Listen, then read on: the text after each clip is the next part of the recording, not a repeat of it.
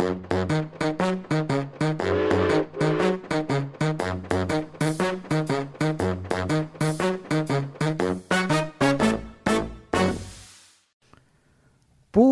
ja, Boris Boatin, museumpodkast i Ekspedert. Hallo, alle sammen, og eh, velkommen til museumspodkasten Ekspedert, som man sier på norsk. Boris, Boris. I dag så er jeg igjen med ho Ann-Mari Thomassen fra Vardøbaikes språkavdeling, og så klart med meg sjøl også, Mathias Eilert Olsen fra museumsavdelinga på Vardøbaiki. Du, Ann-Mari, dere har jo, vært i- dere har jo jobba med et bitte lite prosjekt da, Mhm. som du hadde litt, litt grann lyst til å snakke om, nemlig Firenat Samis. Ja. Opplevelser i sameland. Ja, Ja, altså Vardøbaiki har jo eh, nå nylig gitt ut eh, en, eh, en veldig stor eh, bok. Eh, den er jo i sånn A3-format. Litt uhåndterlig å bære med seg, sånn her, men, men den har et sånn her eh, Et sånn veldig spesifikt formål, og det er jo eh, for eh, i undervisningssammenheng. Altså det er en samlingsbasert bok. Alle barnehager og sånne har jo sånn samlingsstunder. Eh, og derfor så ble den i A3-format, for det har et stort bilde. eh, der kunstneren eh, er en som heter Drostov Vladislav, faktisk fra Murmansk. Eh, Murmansk pedagogiske college. Eh, og, så er det fortellinger eh, på baksida, sånn at eh, barnehagearbeideren eller småskolelæreren kan vise bildet til ungene i klassen eller rundt eh, i barnehagen i din samlingsstund. Eh, og for, også på baksida så ser eh, barnehagearbeideren eller, eller førskolelæreren ser da eh, fortellingen, hvordan det er. Eh, og de fortellingene, det er jo det som er interessant. Det var det du ville inn på, Mathias. ja. Ja, for eh, det handler jo om en særegen kulturarv. Eh, og det er jo fortellertradisjon. Samisk fortellertradisjon. Eh, og eh, ja, det, det har et særskilt navn, denne kulturarven. Hva det var du sa? Immateriell kulturarv, så ja. klart. Ja, for det er jo en del av Vardåspark i kontinuerlig arbeid med den immaterielle kulturarven. Igjen, som, igjen for, de som for de som ikke har hørt på tidligere episoder eh, om det temaet, så er jo immateriell kulturarv noe som vi på Vardøpark jobber veldig mye med, og jobber veldig mye i en prosjekt for å ivareta den immaterielle kulturarven. Og det er jo rett og slett ganske ofte når man tenker på museumsarbeid, så er det jo gjenstander, det er det fysiske, det er at du har en ting framfor deg og ser på den, og den forteller en historie. Eh, mens den immaterielle kulturarven, det handler jo på en måte om ja, som, ja, det som ikke er fysisk ganske ofte. Det er mye det muntlige, mye sånn her kunnskap, sånn kunnskapsnivå som eksisterer utenfor eh, gjenstander, utenfor eh, ting du kan ta i, hva, med hva du videreformidler muntlig, hva du videre, og hva du tar med deg muntlig ganske ofte Mm. eh, innenfor din kulturarv. Så Ferenat Samis det jo også, passer jo ganske fint inn i det arbeidet til Vardøbaiki, nettopp det med å videreformidle en, eh, den immaterielle kulturarven som er samiske fortellertradisjoner. Mm. Ja, for i, i denne store boka så er det jo 38, 38 eh, fortellinger. Og det er mye godt tradisjonsfortellinger. Og så har jo vi selvfølgelig brukt den kunstneriske friheten og bygd opp eh, eh, historier eh, eller rammer rundt de her tradisjonsfortellingene. Eh, og Vardøbaiki har jo ikke jobba med det her nå alene. Vi har jo samarbeid med Murmansk pedagogiske college, med, med Lojavri eh, samisk senter. Er det Lovo... Lovo Lovosero. Ja. Lovosero er det, ja. Mm. Eh, og med Samisk Senter der. Også det, også, vi har også hatt et lite samarbeid da med, med, med Lojavri den her, Nei, eh, ikke et lite samarbeid, et stort samarbeid med Murmansk, pedagog, Murmansk barnehage nummer 131. De er, det er veldig mange barnehager i Murmansk. Og denne barnehagen her, den samiske barnehagen, den heter altså bare Murmansk barnehage nummer 131. Så sånn gjør de det altså i Russland. Det er bare nummer. Mens her, vi er jo vant med det at de har forskjellige navn her, men det er det antageligvis ikke der. Eh, også eh, Marskasamisk barnehage her, da. Eh, eh, Marsko Manak samisk barnehage her har også vært med i bildet. Og det samarbeidet har fungert sånn her eh, at eh, vi har fordelt historier, historier oss imellom. Sånn at eh, eh, de ulike institusjonene har, har eh, x antall fortellinger som de har da bringa inn. Og så har vi jo selvfølgelig hatt samarbeidsmøter, eh, og der vi har fordelt de fortellingene eh, imellom oss. Og, eh, og målet med det hele, det har jo vært som en del ut av eh, det her med samisk språk, løft samisk språk. Og, og gjennom dette prosjektet så har vi løfta både marskasamisk, den dialekten vår her, som dere har hørt om tidligere, og eh, også kildinsamisk. Og kildinsamisk, det er et, eh, et veldig utrydningstruet språk. Eh, og, og, det er det de snakker eh, borti Lojavri og rundt Murmansk område. Eh, det er noen som også eh, kaller det for kolasamisk. Eh, og, men det er altså kildinsamisk. Kolasamisk det er vel kanskje blanding av forskjellige eh, samiske dialekter i, i, Russland. Vi har jo akkalasamisk. Eh, der er det jo faktisk ingen språkbærere lenger. Men heldigvis så er det visst noe opptak som er gjort. Sånn at man, man da sett har, har klart å berge det. Og så har vi noe som heter tersamisk. Eh, og der tror jeg heller ikke det er noen eh, språkbærere. Men man, man kan ikke si at det er dødd ut, for så lenge man har noe, noe håndfast sånn som opptak, så kan man begynne å revitalisere. Men det var ikke det vi skulle snakke om nå. Nå skulle vi jo inn på feriene av samis. det var jo det vi skulle gjøre. Men i hvert fall 38 samiske fortellinger, tradisjonsfortellinger, er da, ligger i bunnen.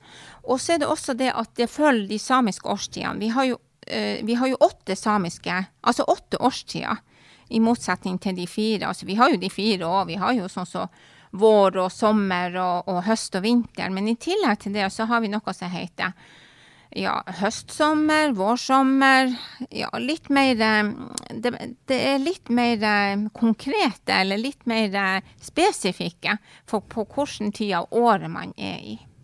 Men akkurat nå så er vi jo i Dalevi. Ja, og det er vintermåneden. Mm.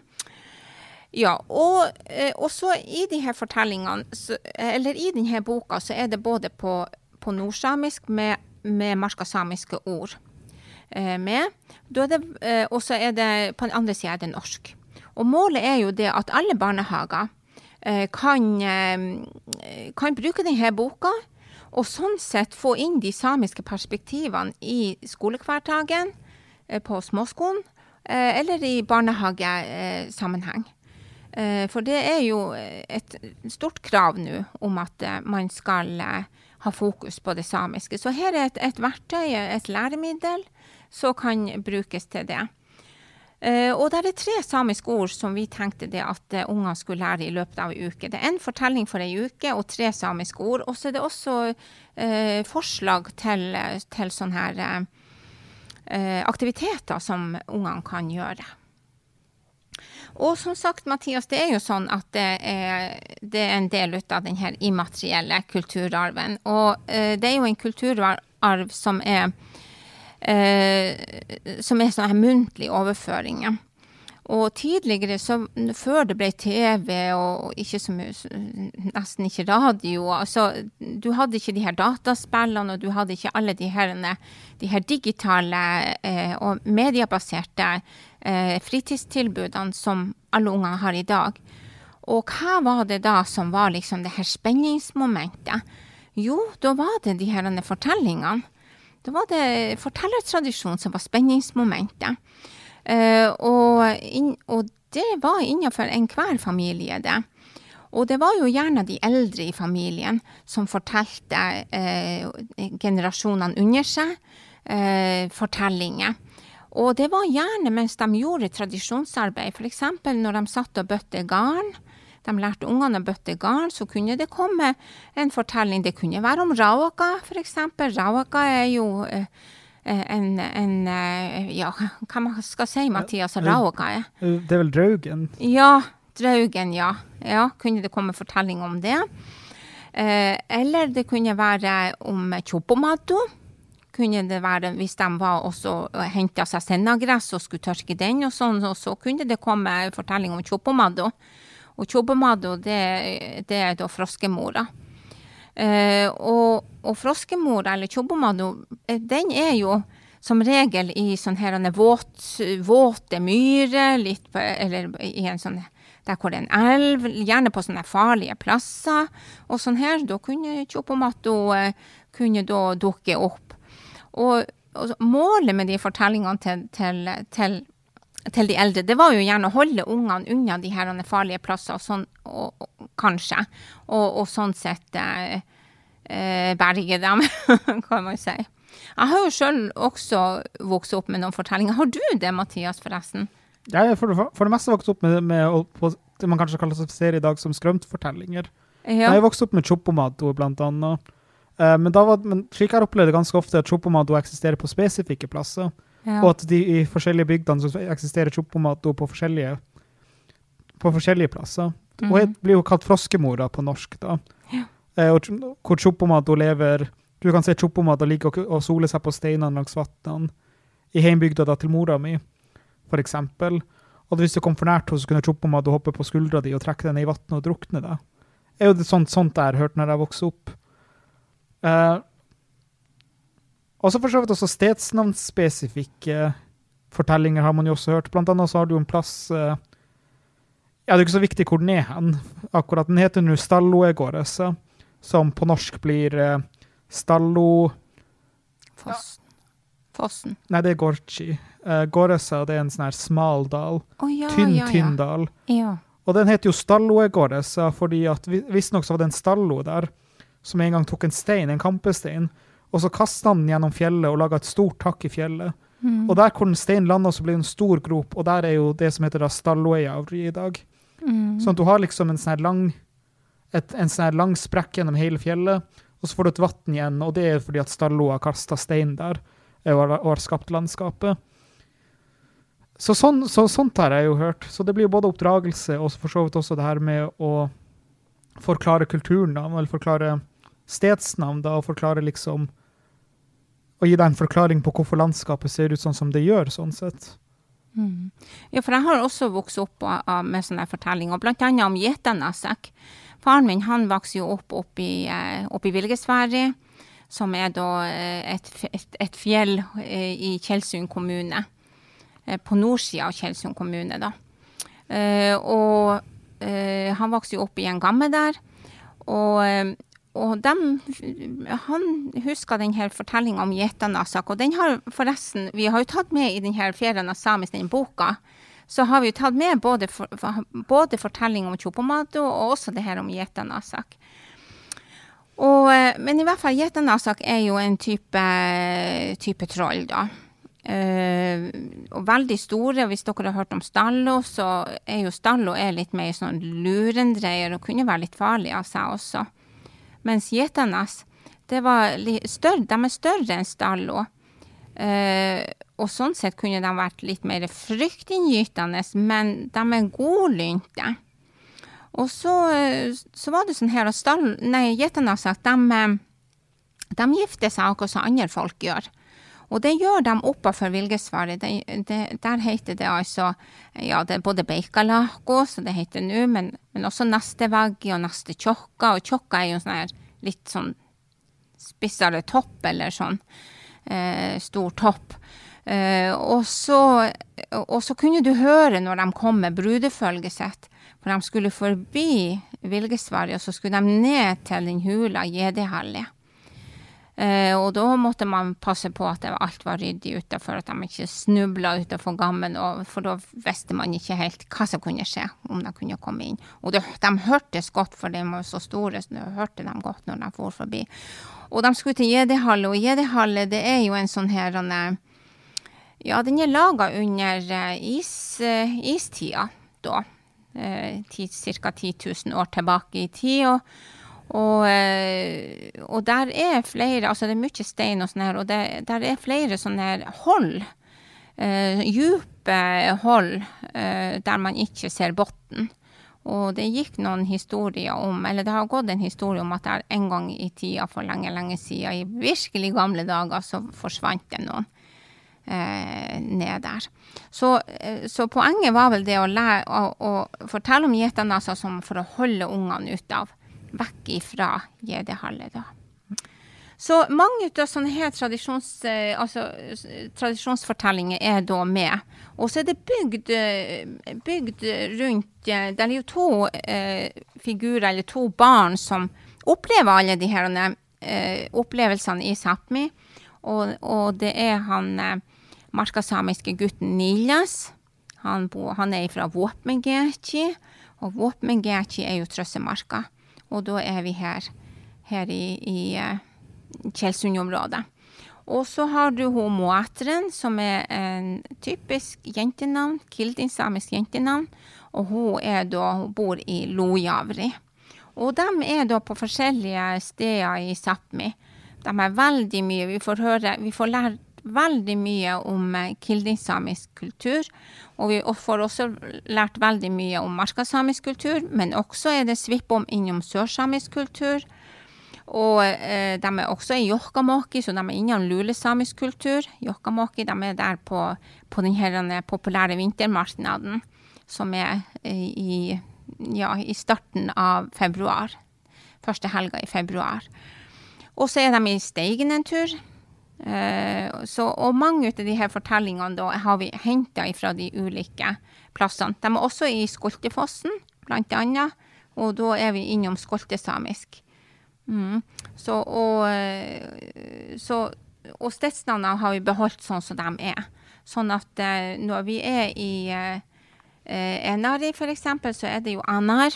Eh, så er det skrevet da på Anari samisk, eller Enari eksempel. Og når vi er i, i Skoltefossen, så har vi, da er de jo i Njautam, Njautam sitt, som er på skoltesamisk. Neiden sida eller Neiden-samfunnet. Mm. Så eh, det den er mulig å, det er mulig å Hvis det er noen som er interessert i, i denne boka, så kan man få tak i den. Så har vi den her på, på Vardobaiki.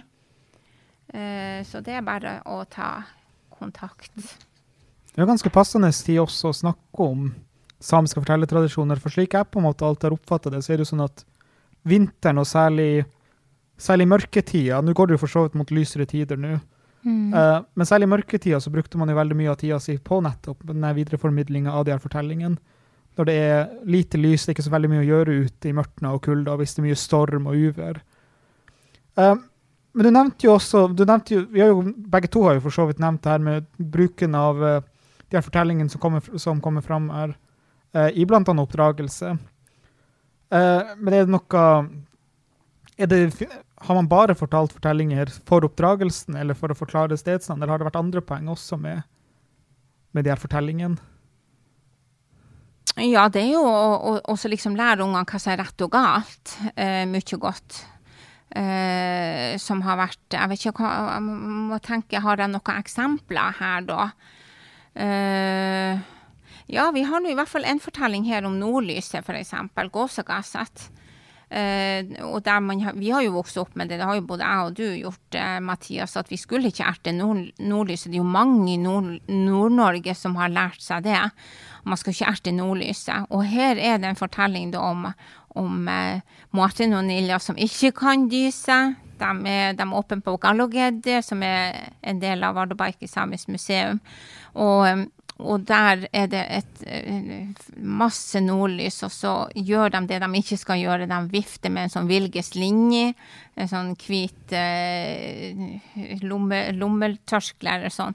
Og så, og så eh, for å erte nordlyset. Og, eh, og, og, de har skiene klar, og de er på tur til å renne, de vil renne ifra nordlyset. Så det her er jo liksom, det skulle de jo ikke gjøre. Mm. Så mm, Men det er sikkert andre ting der også som jeg ikke kom på akkurat nå, når, når vi nå sitter sånn her med mikrofonene oppi nesa vår.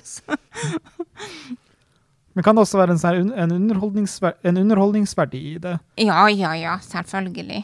Ja, det var det jo også. Ja, rett og slett for å Ja. Ja, rett og slett for akkurat som på å si eh, TV og barne-TV og sånn fungerer i dag, så er det jo det er jo i underholdningssammenheng, og det det jo, var jo også fortellingene beregna som. Mm. Mm. For jeg er jo sjøl vokst opp med det der at uh, når det nå begynner å høste, og når det begynner bli, og når det begynner å bli vinter og familien samles, at, og særlig når det begynner å bli skikkelig sent på kvelden, så begynner liksom de gamle å fortelle kanskje skumle fortellinger uh, om områdene rundt, og mer sånn eh, Ikke fortellinger som handler verken om oppdragelse eller rett og galt, men bare ting som har skjedd i bygda. Mm. Om det- er om uh, stallo, om det er om uh, skrømt forøvelig gjenferd, kan, kan det jo være. Om det er om uh, hvordan en eparasj har kommet, det er altså et, barn, et dødt barn som ikke har blitt døpt, Mm. og litt, så, og, og litt sånne ting. Og det var jo på en måte underholdninga for oss barn, for vi fikk jo beskjed om at dere må ikke høre de fortellingene, men så sniker man jo seg inn likevel og begynner å høre på dem. Og foreldrene er jo, og de voksne er jo klar over det, men jo kanskje også litt for å berge seg sjøl også. At de, de har nå prøvd å gjøre at vi ikke blir redd. Det er vår egen feil hvis vi hører på fortellingene. Og det, jo, og det var jo igjen ingen oppdragelse i det. Det er jo ren underholdning, ofte ren underholdning, kanskje, mye av det. Eller mye av det er jo også har jo også vært det at du får en tilknytning til stedsnavn, du får en tilknytning til områdene, og du får alltid fortellinger om hvem som har gjort ting, hvem som har gjort alt sammen. Hvem var det som opplevde Stallo der oppe? Hvem var det som opplevde at Huldra inviterte dem inn i, i steinhula? Hvem var det som uh, møtte, møtte de underjordiske i soveposen sin, og litt sånn? At det Mm. blir en sånn tilknytning også til de som på en måte kom før deg. Det blir en tilknytning til området du vokste opp i også. Mm. Ja. Jo, men jeg tror også det her at de hadde en tanke i hodet om at uh, de skulle gjøre deg tøffere. Sant? Ungene skulle altså, eh, ja, rett og slett gjøre dem tøffere. Sant? Litt mer uredd og sånn. Og, så det er jo litt sånn her Jaha, det gjorde de også gjennom å skremme dem litt. Men jeg tror de hadde en tanke om det at eh, ja, OK, når du har blitt skremt så og så mange ganger, så blir du ikke skremt lenger, for da Ja. Mm. Men eh, som, nev som, nevnt, som nevnt så har det vært underholdningsverdi, det har vært oppdragelse, det har vært å, å tøffe opp ungene sine, kanskje også hvis på de skumlere historiene. Det er jo ikke alle fortellingene som er skumle historier, skal det jo sies. Det er jo mye som er kan, kan man skal si vanlige fortellinger. Vanlige fortellinger. Eh, men når man snakker om immateriell kultur og, og, og videreføringa der, så må jeg jo være litt sånn djevelens advokat også. og sånn her. Vi vi trenger hva Hvorfor skal vi videreføre det nå? Hvorfor, hvorfor er det et arbeid som vi på Vardøba ikke tar oss tida til å videreføre? Hvorfor ønsker vi å videreføre de samiske fortellingene? For at vi skal jo ikke Ungene får jo, en oppdrag, unger får jo oppdragelse. Unger får jo De har jo skrekkfilm, de har, jo skrekkspill, de har jo skrekkfilmer for å tøffe dem opp. De har jo Og underholdning har de nå i hvert fall. Hvorfor skal vi hvorfor, Hva er verdien i å videreføre de her fortellingene, da? Hva er, hva er verdien i å videreføre muntlige fortellinger? Det er jo for å videreføre samisk tradisjon. Sant? Det er en del ut av de samiske verdiene, de samiske tradisjonene. Det inneholder de her samiske fortellingene. Og sånn sett så, når man tar seg tida til å videreføre dem til neste generasjon, så overfører vi samtidig Vi overfører språk, vi overfører samiske verdier, vi overfører samiske stedsnavn eh, samiske tradisjoner. Sånn og sånn har de gjort, sånn og sånn har de bøtt garnene, sånn og sånn har de Der og der har de, har de henta sennagress, der og der har de fiska. Eh, ja. Det, og det er viktig, det. Eh, og eh, så og sånn sett så er jo denne, denne boka her, det er jo det som er tenkt da, da fra Vardøbalkens side, at eh, og fra Kildinsami sin side at dette er, et, er verktøy som foreldre kan eh, ha i denne videreføringa. For det, er jo klart at når, når de eldre dør bort, eh, og de ikke har fått overført de her, ikke har fått hørt de her, så dør jo også de her, eh, den her arven bort. Altså de her eh, fortellingene dør jo bort når det er ingen som forteller dem lenger. Så, så, og mange fortellinger er jo dødd bort. fordi at de ikke blir fortalt videre. Så det er jo det som har vært tanken, da, at dette er et, et hjelpemiddel der man kan overføre noe av Eh, av, den, av de, de, her tradisjonene. Noe av de fortellingene som har gått på folkemunne så lang tid, i så mange generasjoner, at det, det er viktig at de blir også nedskrevet, for da er du sikker på at de Uh, at de, det, kan, det, kan, skje en revitalisering, og folk kan begynne å bruke dem igjen. Mm.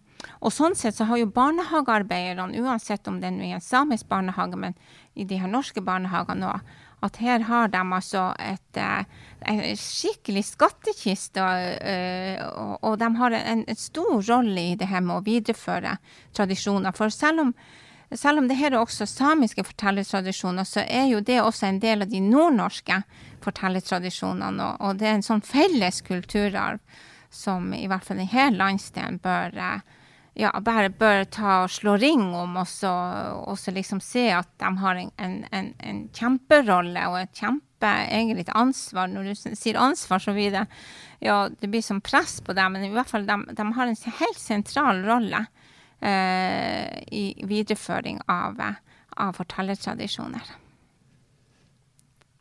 En annen, ting ganske, en annen ting som jeg opplever ganske ofte med fortellingen, er jo også det, altså det er jo en felles, nord, en felles nordnorsk eh, arv, som du nevner. Men jeg føler jo også at det gir oss et bredere fellesskap internt i det samiske også. Det å kunne fortelle fortellinger, og det å dele fortellinger. Blant annet så har jo du Ganske ofte så opplever jeg at når jeg drar ut og møter andre, sam, andre jevnaldrende samer, eh, da snakker vi om 20, samer i 20-årene, 30-årene, så ender man jo ganske ofte, med, ofte, ofte, ganske ofte opp med på kvelden at man sitter og forteller, ikke skremtfortellinger nødvendigvis, men fortellinger fra lokalområdet sitt. Og så til gjengjeld så får man fortellinger fra, fra sørsamisk område, fra lulesamisk område eller fra nordsamisk område. Men her i området så tror jeg også vi har en annen fortellertradisjon som, som kanskje er litt spesiell, sånn sett, og det er jo den her, eh, som er da en videreformidling av, her, av de her fellessamiske fortellingene. Og da tenker jeg spesifikt på hvordan lesaranismen har ivaretatt samiske fortellertradisjoner. Eh, hvordan lesadianismen har, på, har påvirka lokalsamfunnene, har jo variert voldsomt fra lokalsamfunn til lokalsamfunn, avhengig av predikantene. Men her i, de, i de markebygdene, i, i, Tjeldsund Evnes, så var det jo predikanter som bl.a. tok og blanda inn det bibelske inn i de samiske fortellingene. Blant annet så har man jo fortellingen om eh, edderkoppen, hvorfor, hvorfor, du ikke skal drepe edderkoppen, fordi at den bringer lykke, og hvis du dreper en edderkopp, så blir det regn. Og det er jo rett og slett fordi at uh, edderkoppen tok og hjalp uh, Jesu barn og jomfru Maria når de skulle rømme fra romerne og legge et spindelvev framfor en gate. Og så sprang jomfru Maria og Jesus gjennom gata. Og romerne så jo at, uh, det, at det var spindelvev framfor gata, så da hadde jo ikke de sprunget inn der. Og da klarte jomfru Maria og Jesu barn å komme seg vekk. Og det, her jo, det er jo en fortelling som jeg har hørt uh, hos bestemor hos og hos mamma, for så vidt, uh, om nettopp det her. Og så har jeg jo da i ettertid fått vite at det er jo faktisk en, en samisk fortelling de har på svensk side også, men da er det jo ikke Jesubarnet, da er det jo en samegutt og stallo som han skal rømme fra, hvor edderkoppen da hjelper samegutten vekk fra stallo. Mm. Så det tror jeg så det, det, flere, det, blir fort flere aspekter også i de fortellertradisjonene. At det er jo en gigantisk kulturarv også. Mm. Og det, den har mange aspekter med seg, hvordan den er ivaretatt tidligere, og hvordan den er blitt formidla tidligere. Og har jo naturligvis endra seg med tida også. Blant annet som man ser med overgang til lesadanismen, og nå for så vidt med en moderne samfunn også, hvor man begynner å skrive dem ned og formidle dem sånn. Mm. Ja. ja. det har du nok rett i, det, og at, og at, det, med, at det, endrer seg. Og mange av de her fortellingene også. Det, han, just Kvikstad, når han var og samla inn her på slutten, her i det her området, Ofoten, Vesterålen, eh, området, så var han jo samla inn ord og uttrykk, og så var han også samla inn fortellinger. Det er mange fortellinger. Så eh, det er veldig spennende å, å, å, lese de fortellingene.